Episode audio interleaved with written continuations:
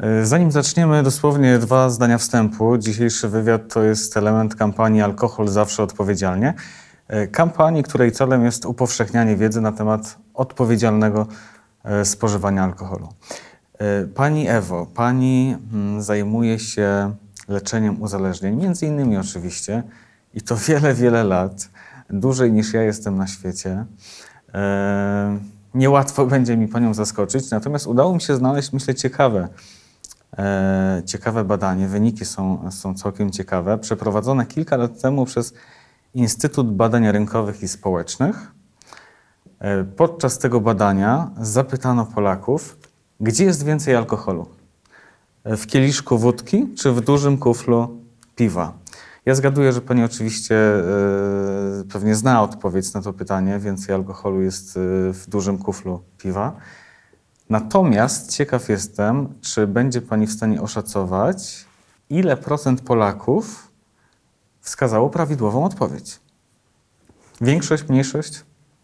No, obawiam się, że mniejszość. Mniejszość. Myślę, że duża mniejszość. Proszę strzelać. No, około 20%. Bardzo blisko, 15%. E, czyli niewiele. Em, można by wysunąć wniosek, więc, że ta nasza wiedza na temat alkoholu, który przecież jest powszechny, towarzyszy nam e, w wielu sytuacjach i to od wieków, mm, no to ta wiedza jest, jest bardzo, bardzo niewielka.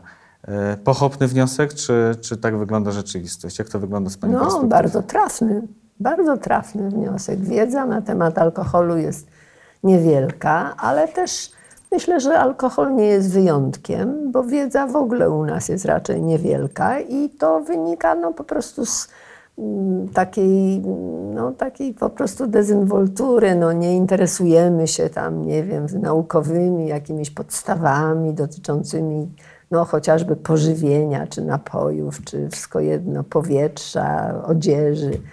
Natomiast wiedza o takich rzeczach, co jest w pietruszce, czy y, środki moczopędne, y, farmakologiczne są konieczne, gdy człowiek ma zapalenie pęcherza, to, są, to, są, to jest sprawa zdrowia.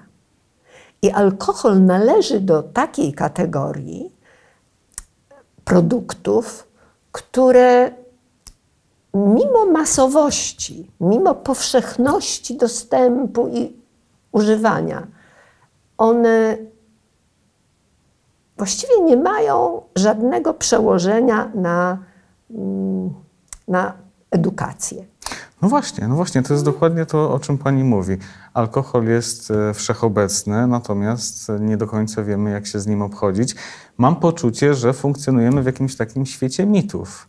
Jest ich cała masa. Ja na przykład przez lata słyszałem opowieści na ten temat, że jeśli e, ktoś miesza na przykład różne alkohole, no to nie będzie miał kaca. E, wiele osób wierzy, że to jest prawda. E, Cała masa jest takich mitów. E, Może ma Pani jakieś takie przykłady półprawd albo całkowitych mitów, które funkcjonują, a kompletnie nie mają nic wspólnego z No rzeczywistością? tak, kiedyś takim mitem było to, że na przykład kobiety się nie uzależniają. A, E, że a w ogóle, tylko, tak? tylko dlatego on długo funkcjonował, ponieważ kobiety z, z takiego społecznego wstydu, czy z pewnych obyczajowych takich ograniczeń, po prostu dużo lepiej ukrywają swoje problemy alkoholowe, więc to był jeden mit. Myślę, że jeszcze by się znalazło tam trochę, także to na przykład, nie wiem, że jak ktoś ma mocną głowę, to może pić bez ograniczenia, ponieważ nic mu nie szkodzi. A to akurat jest odwrotnie, bo osoby, które mają mocną głowę, to się mm, kwalifikują do uzależnienia w pierwszej kolejności. Dlaczego? Ponieważ ich doraźne efekty y, używania alkoholu w dużej ilości nie sygnalizują im zagrożenia, no bo mają mocną głowę i mają taki organizm, że rzeczywiście długo zachowują na przykład jakąś tam względną sprawność. No, a właśnie. tymczasem wlewają w siebie tej, tego napoju, który jest podstępny i trochę groźny, bez ograniczenia. No i to jest jego największe później zagrożenie. Jeszcze jeden mit mi e, przyszedł do głowy e, dotyczący kobiet w ciąży.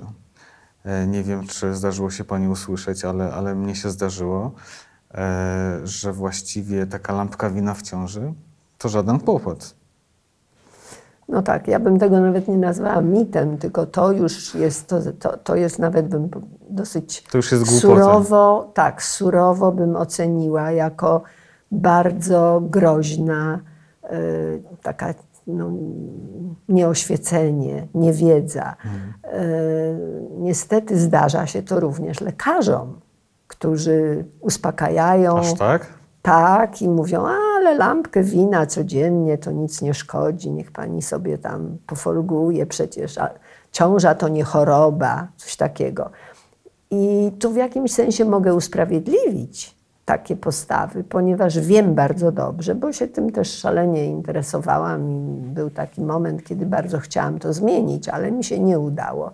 Otóż w szkołach medycznych na wszystkich szczeblach, i w pielęgniarskich, i w felczerskich, i w uniwersytetach medycznych, właściwie nie ma zajęć o uzależnieniach. Nie ma. Więc owszem, tam C2H5OH pojawia się naturalnie w którymś momencie, ale dotyczy raczej jakichś takich objawów, które są objawami mm, przewlekłego nadużywania alkoholu W ten sposób. albo alkohol i w, w kontekście różnych chorób i ewentualnie mieszaniny alkoholu i niektórych leków.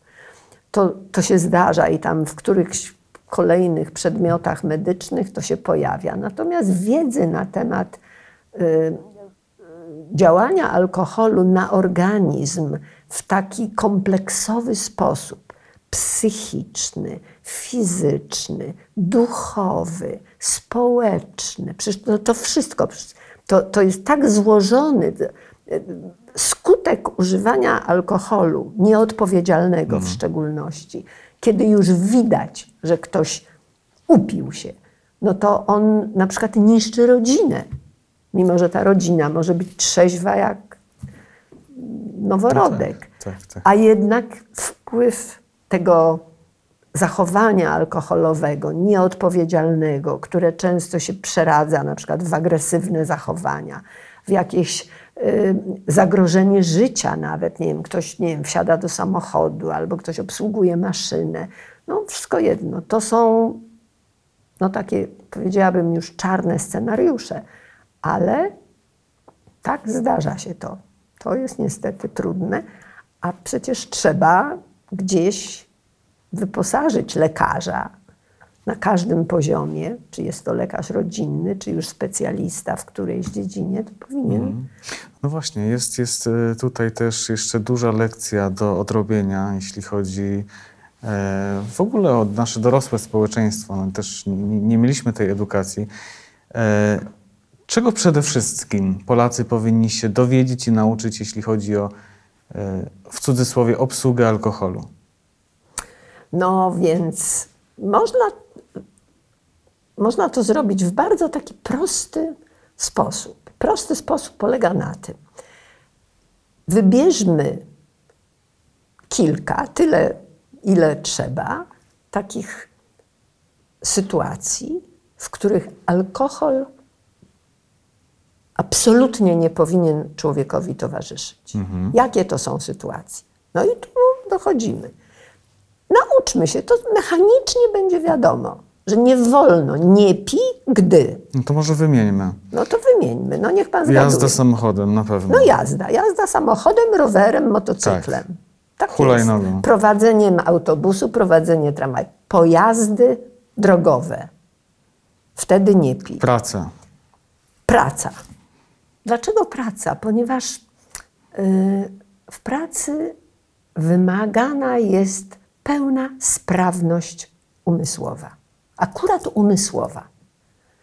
Oczywiście fizyczna też, ale coraz mniej jest prac fizycznych. Nawet jakieś obsługa dźwigu to jest teraz praca trochę jak informatyka, albo jak obsługującego instrumentarium, jednak dość wymagające skupienia, czujności, uwagi. Ile wypadków może być przy snopowiązałce, No tak, czy po, przy kombajnie, czy przy szlifierce, czy przy jakichś innych maszynach. Ale chyba też to takie przyzwolenie na alkohol w pracy się zmniejsza, prawda? E, Myślę, że tu jest duży postęp, jeśli chodzi No to jest jeszcze inny o tę temat. kwestię. Ale może pójdźmy dalej. W jakich sytuacjach Tak, te sytuacje. alkohol jest po prostu nie. Wykluczony. Co jeszcze? Ja jestem kobietą, więc po, zwrócę uwagę w taką stronę, która mnie bardzo na początku, tak w pierwszej kolejności przychodzi na myśl. Przebywanie z dzieckiem. A, Jeżeli jesteś wujkiem, ciocią, opiekunem, nauczycielem, wychowawczynią, mamą, tatą, babcią, dziadkiem i nawet nie niemowlaczkiem, który ci może się wyślizgnąć z ręki. Po prostu tak, dziecko to jest, to jest przedmiot troski. Tak jak obsługa maszyny to jest też przedmiot jakiegoś skupienia i uwagi. Więc wszędzie, gdzie jest wymagana pełna sprawność, to tak, to trzeba alkohol odstawić. Ja kiedyś widziałam w czasie jakiegoś szkolenia swojego, jak pracowałam w Międzynarodowej Organizacji Pracy w Genewie, to w czasie takiego szkolenia e, pokazano nam krótki filmik. Taki filmik można by zrobić i u nas. I wzięto trójkę pilotów samolotowych czy takich od wycieczek? Samolotowych. Wysoko wyszkolonych, latających na najwyższej, bardzo rasowo maszynach pasażerskich. I ci piloci, żaden z nich nie miał problemu alkoholowego, po prostu byli zdrowymi mężczyznami. I posadzono ich przy konsolach, takich jak u nas w Wimlu są, w tym Instytucie Badań Lotniczych, e, gdzie przeprowadzono z nimi test na refleks. Tylko ten jeden wskaźnik badano. Każdy z tych pilotów wykazał sprawność, refleks na bardzo wysokim poziomie. Powiedzmy, że tam mogli mieć 100 punktów i wszyscy trzej mieli powyżej 95. Jak to piloci? Jak to piloci? Podano wszystkim trzem niewielką, tam powiedzmy 25 gram wysokoprocentowego alkoholu. Jakaś whisky czy wódeczka, nieważne. Jeden, drugi, trzeci wypili. Tak sobie po prostu wypili ten alkohol. I nie od razu. Chyba to po upływie trzech godzin. Czyli trzy godziny po No, kawał czasu. tak, no, to któreś linie lotnicze zrobiły, bo to był ich szkoleniowy, te linie lotnicze w ten sposób szkolili swoich y, pracowników. No i jaki był wynik I eksperymentu? po tych trzech godzinach z, posadzono ich przy tych samych konsolach i zrobiono ten sam test na refleks. A polegał on na tym, że jak ci się pojawi trójkącik, to musisz nacisnąć trój- trójkącik, a jak ci się pojawi zielona kropka, to powinieneś nacisnąć zieloną kropkę. Masz ręce na klawiaturze i musisz szybko zareagować. Bardzo prosty. I muszę panu powiedzieć, że u każdego z nich z, zmniejszyła się, zmniejszył się ten wynik. Czyli nie ma cudów. Nie dramatycznie. To nie było, że mieli 95, a nagle mieli 75. Nie, ale miał 91. I jeszcze się wściekali. I jeszcze między sobą mówili, ty, no nie, no co ty tam, nie, to jeszcze raz próbujemy. I jeszcze raz. I nie nadążyli, bo refleks to jest funkcjonowanie sympatyczne, to się tak nazywa. Czyli ty refleksu nie kontrolujesz. No, na tym to, to No nie jest. tak, no tak. Czyli nawet ta niewielka e, ilość alkoholu No i po pierwsze po niewielka. godzinach No właśnie. Czyli odnotowano spadek. w tym eksperymencie, to jest naukowy eksperyment i można każdy go zrobić. Można go w szkole zrobić, pokazując filmik, pokazać dzieciom. Mm. Czyli mając, mając dzieci pod opieką absolutnie. No więc to jest. Absolutnie nie. Następnie Co jeszcze, Pani Ewo? idziemy coraz bardziej, no w taką troszkę, wy, coraz bardziej wyrafinowany sposób myślimy o tej odpowiedzialności. Mhm. No, nie pij sam. Nie pij sam. Bo jak kogokolwiek zapytamy, a jak ty używasz alkoholu? To ktoś powie, no ja towarzysko. Lubię tak, bo zawsze tak. Towa tak, towarzysko to jest świetna rzecz. To jest taki lubrykant. To jest tak jak naoliwiony dobrze tłok w silniku. Cichutko chodzi. I odrobina alkoholu pomaga w takiej, w, w, takiej wyzwolonej z napięć, mm, skrępowania, jakiegoś, nie- jakiejś nieśmiałości. Tak, to jest właśnie rola alkoholu. No. No ale dlaczego tak właściwie e, nie powinniśmy samemu pić tego alkoholu? Dlatego, że po pierwsze, y, nie, nie ma, wtedy używamy tego alkoholu najczęściej jako lekarstwa, na przykład na nudę, albo na przykład na zmęczenie, albo na stres, bo mnie coś czeka strasznie niedobrego jutro. No, będę miał rozmowę z szefem, albo o, jutro mam klasówkę, albo egzaminy, mam sesję. Czyli a to jest, jak sama biorę alkohol, ja, która piję towarzysko, to ja nie piję już towarzysko, tylko ja używam jako lekarstwa. I co się dzieje? Ponieważ na pewno ta odrobina alkoholu, czy nawet większa, czy mniejsza ilość, gdy ją wypiję, to ona na pewno mi troszkę zmniejszy moje te jakieś takie nie, niemiły nastrój. Ona mi trochę zmniejszy. Albo przestanę o tym myśleć, albo uznam, że a, jakoś sobie poradzę. No tak to działa. to tak jakby zrobił się taki zoom i problem odjedzie. On dalej jest, ale ja już, już w nim nie uczestniczę. I to jest fantastyczna rola tego alkoholu. Oczywiście ja problemu nie rozwiążę przez to, ale ja się poczuję lepiej. Na przykład zasnę spokojnie. Czyli I to może być zgubne? Czyli jeżeli mi ten alkohol rzeczywiście pomoże, to, to ja wyciągam pewien wniosek. Ten wniosek jest dla osoby mającej zdolność kojarzenia, inteligentnego rozumienia, to jest fantastyczny taki sufler. On mi mówi, ile razy będziesz w dołku, ile razy będziesz miała zły nastrój, ile razy spotka cię przykrość, to to jest sposób. I wtedy, to już od moich pacjentów wiem, że oni mówili, no najpierw tak było, a potem, ponieważ alkohol, niezależnie od moich życiowych okoliczności, wypijany często, zaczyna zaczyna wchodzić w taką, w taką relację ze mną i ja nie dokonuję każdorazowo namysłu i wyboru, tylko ja już zaczynam potrzebować. Jak coś lubię i się do tego przywiązuję i się przyzwyczajam, to, to już potem bez tego mi źle.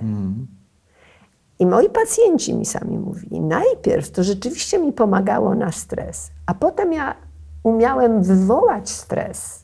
Na przykład się natychmiast zaczynałem kłócić. Żeby sobie stworzyć powód, tak? I oczywiście. Czyli te preteksty wymyślane po to, żeby właśnie wejść znowu w tą samą, w tę samą dynamikę. I to jest już początek. Tak się zaczyna uzależnienie. Jeszcze no, nikt się nie uzależnił w środę o czwartej. No tak. Pani Ewa, ale to jest właściwie no, najważniejsza sprawa. Jak, jak rozpoznać tę granicę? Czy my jesteśmy w stanie samodzielnie to ocenić? Że Jesteśmy. Jeżeli- do, do tej pory jest wszystko ok.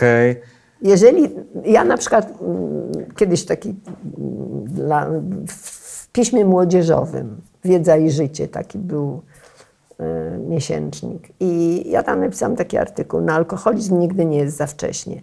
I jednym z takich warunków powiedziałam, jeżeli nie chcesz się uzależnić, a, a używasz alkoholu już, to używaj go w taki sposób. I wymieniłam na przykład, nie pij sam i nigdy nie pij, jak jesteś zmartwiony albo ci źle. Kolejna prostu, zasada. Jak ci źle i jesteś zmartwiony, to idź do mamy, do kumpla, do terapeuty, do lekarza, albo połóż się spać, albo weź kąpiel, albo idź sobie na basen, albo idź na siłownię. Szukaj sposobów, które nie są chemiczne. Wszystkie sposoby, bardzo dobre. Wygadaj się, popłacz, idź, nie wiem, zrób przebieżkę 3 kilometry, zmęcz się, cokolwiek. Natomiast jeżeli użyjesz alkoholu jako lekarstwa, to z całą pewnością wyciągniesz wniosek: alkohol dla mnie jest dobry. A jak jest dla mnie dobry, to stanie się moim druhem. I to jest to, czego należy. Dlatego nie pij nigdy, jak ci źle. Jak masz święto, jak dostaniesz nagrodę, jak zdasz egzamin, jak y, masz imieniny, jak masz urodziny, jak zaprosisz gości, tak, to wtedy, Wtedy jest tak, pora. mhm. I wtedy jest to bezpieczne, bo jest to zresztą pierwotna rola, kiedy pierwszy ferment, jakąś tam winogrono czy coś, czy chmiel u nas, bo u nas nie było winogron, tylko był chmiel albo kartofel. No i, i powstał spirytus albo powstał alkohol.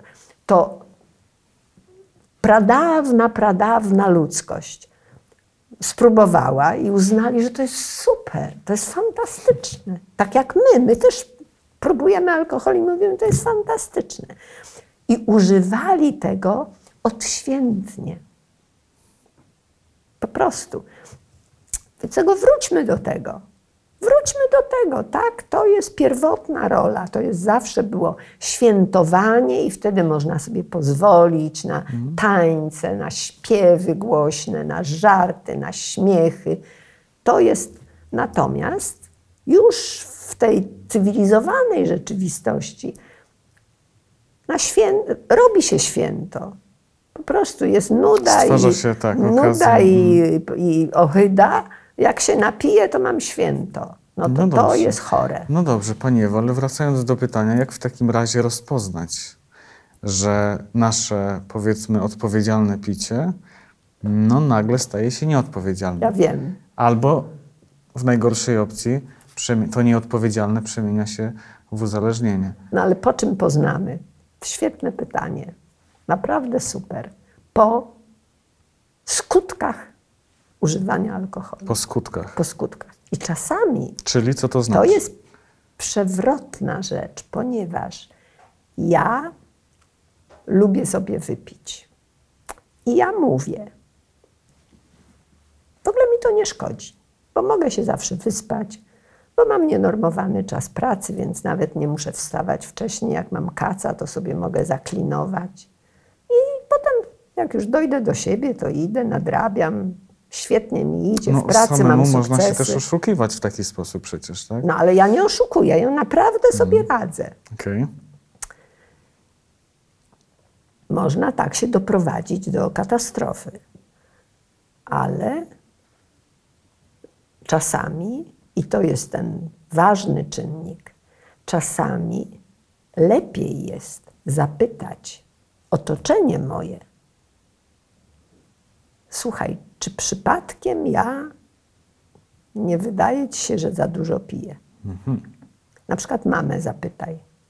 Masz 18 lat, jesteś studentem i już lubisz sobie tam pobalować, imprezujesz.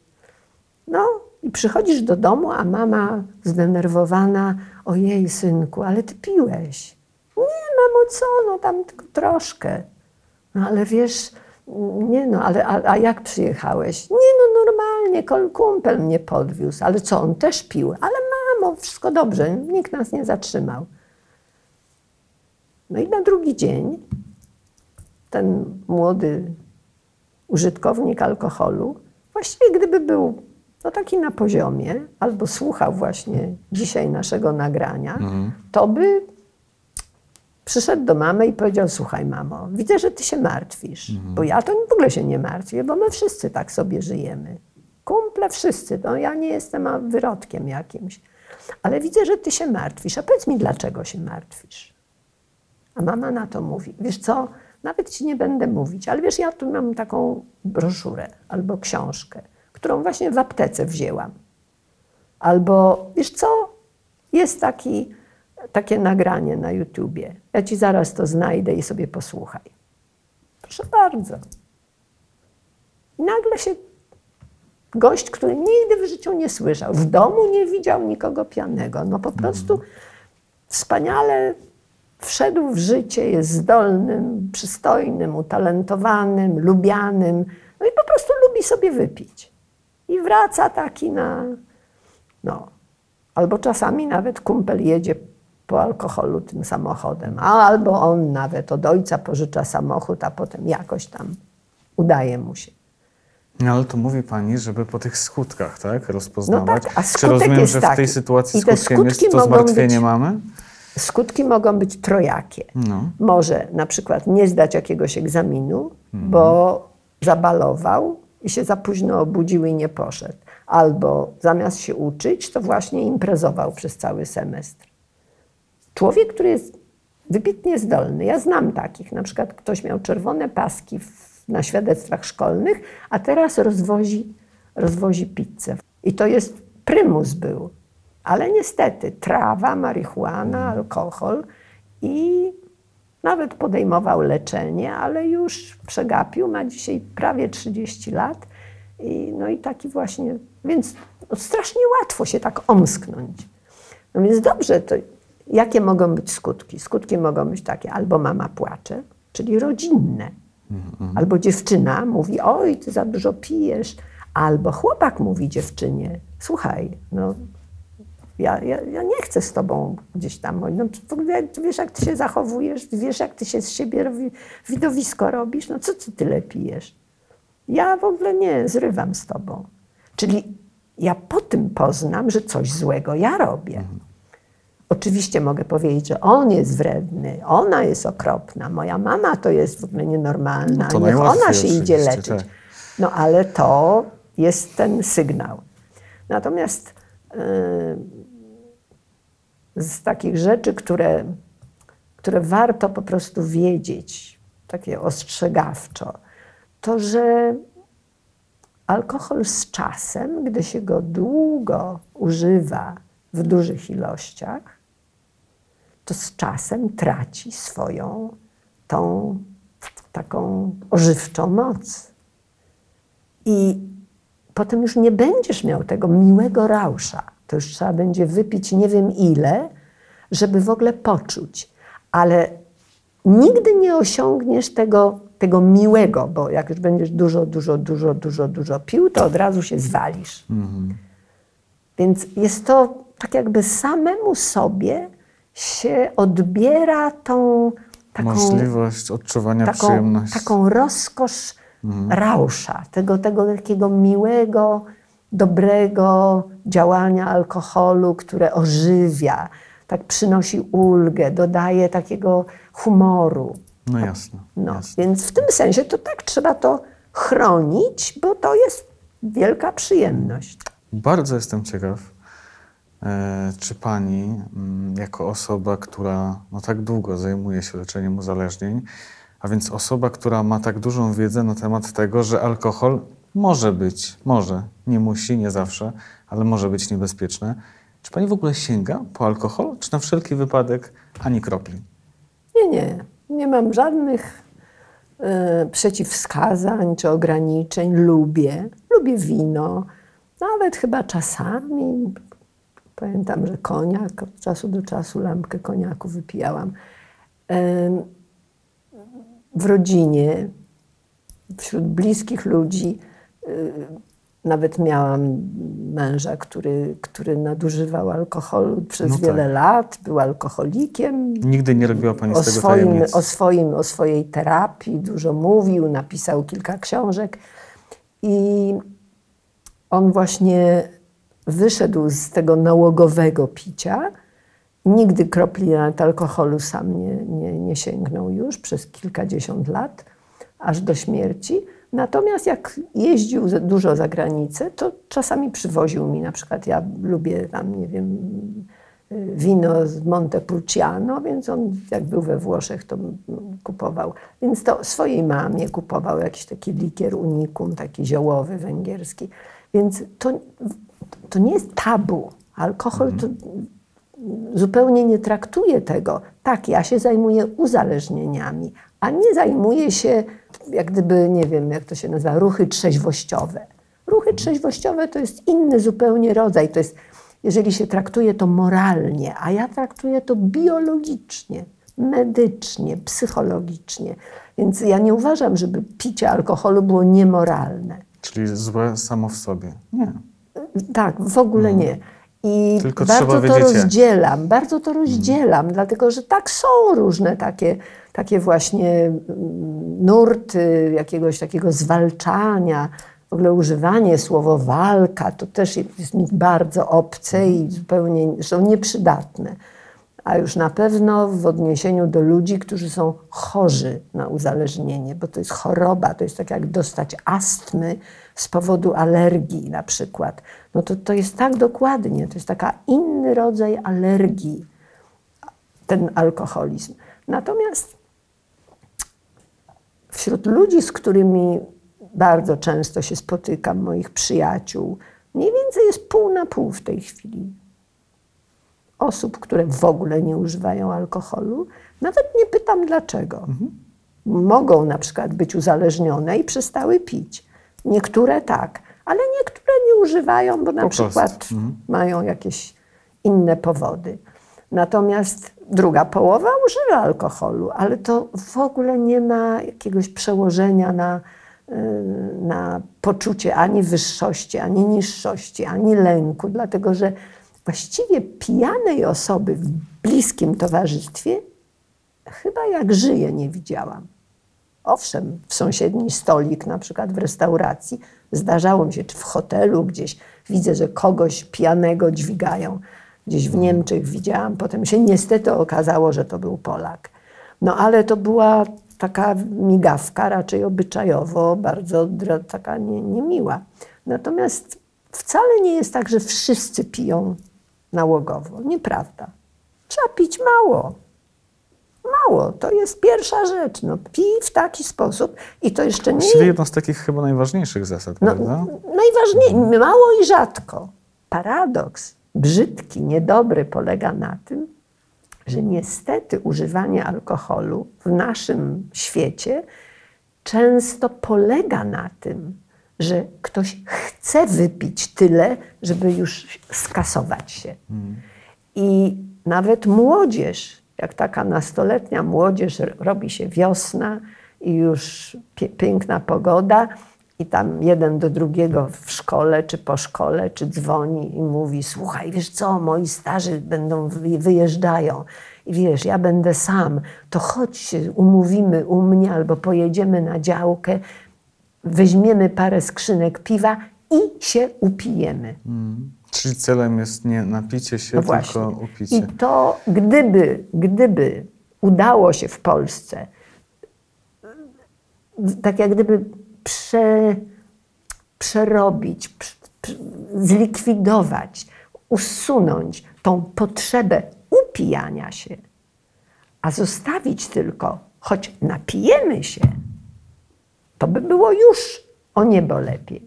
To już byłaby wtedy olbrzymia różnica, dlatego że skutek upicia się zawsze jest ryzykowny, co najmniej dla zdrowia, a często jeszcze też w różnych innych aspektach. Pani Ewo, pięknie dziękuję. E, Masa i ciekawych, i myślę przydatnych informacji. Dziękuję bardzo. Dziękuję również.